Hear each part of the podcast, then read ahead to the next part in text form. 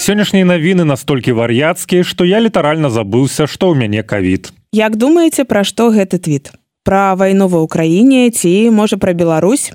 Не, гэта пра тое, што Ілон Маск набыў твиттер.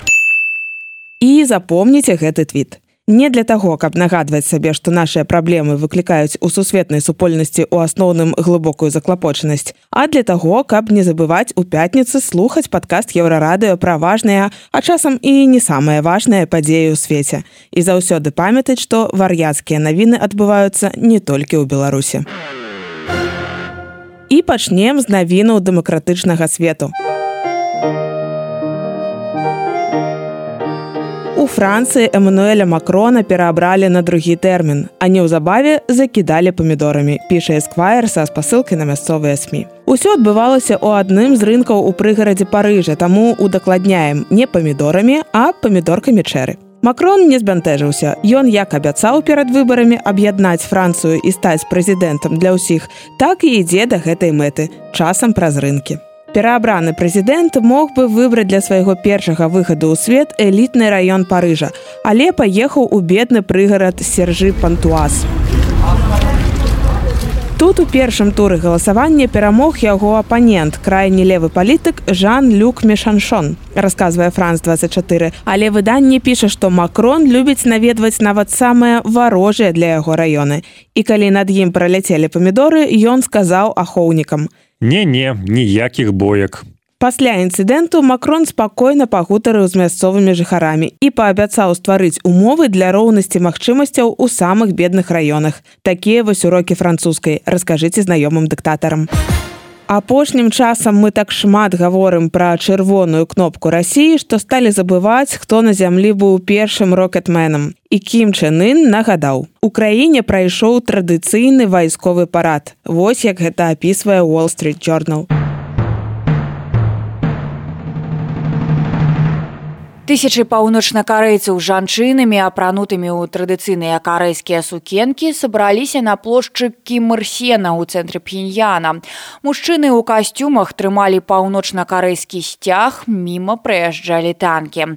Праз плошчу прайшлі батальёны салдат, адны ў вайсковай форме, іншыя верхам на конях. Містер Кім назіраў з балкона ў белым халаце з залатымі гузікамі. У парадзе акрамя кіма удзельнічала велізарная балістычная ракета, а яшчэ танкі, бранятэхніка, артылерыйскія гарматы і ракетныя установкі. Выступаючы на парадзе, кім паабяцаў актывізировать ядерную праграму. А калі якія-небудзь сілы паспрабуюць уступіць у военную канфронтацыю з КНДР, яны будуць знішчаныя, сказаў паўночна-карэйскі лідар. Ні на што не намякаем, але если кто-то подчеркну еще раз, если кто-то вознамерится вмешаться в происходящие события со стороны, а, то они должны знать, да, и будут создавать для России неприемлемые для нас угрозы стратегического характера, они должны знать, что наш а, ответно-встречные удары а, будут молниеносными, быстрыми.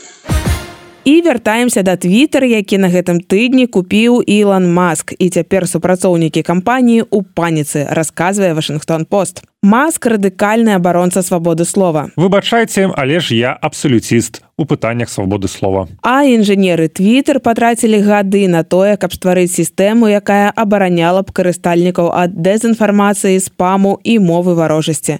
Здавалася б, ілану і Twitter не ў адну дарогу, але 44 мільярды долараў і неўтаймоўнае жаданне маска займець садсетку умеюць скарэктаваць траекторыі. Сярод іншага у садсетцы цяпер пытаюцца ці верне маск аккаунт дональду трампу. Яго заблакавалі два гады таму пасля беспарадку капітоліі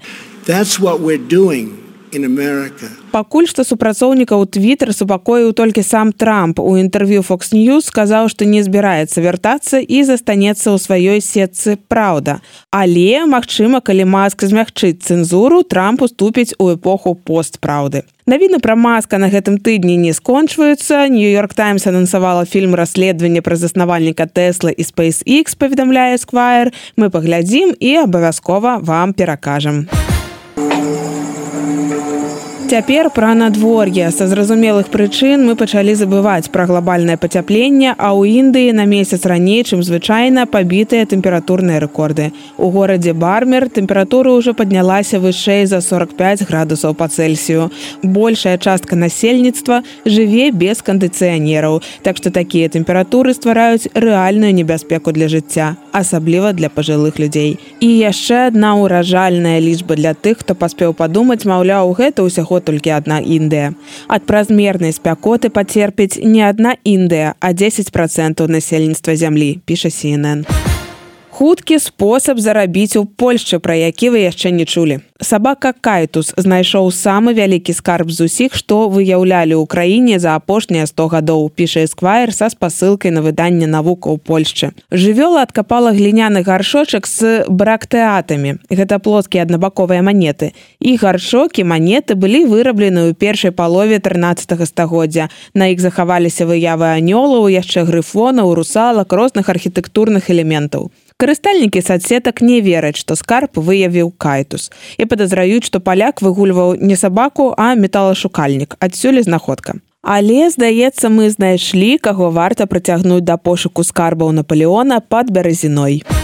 На гэтым усё мы будзем працягваць сачыць за важнымі, а часам і не самымі важнымі навінамі свету, каб кожную пятніцу пераказваць іх вам. А дзе чытаць навіны з Беларусі вы і самі добра ведаеце.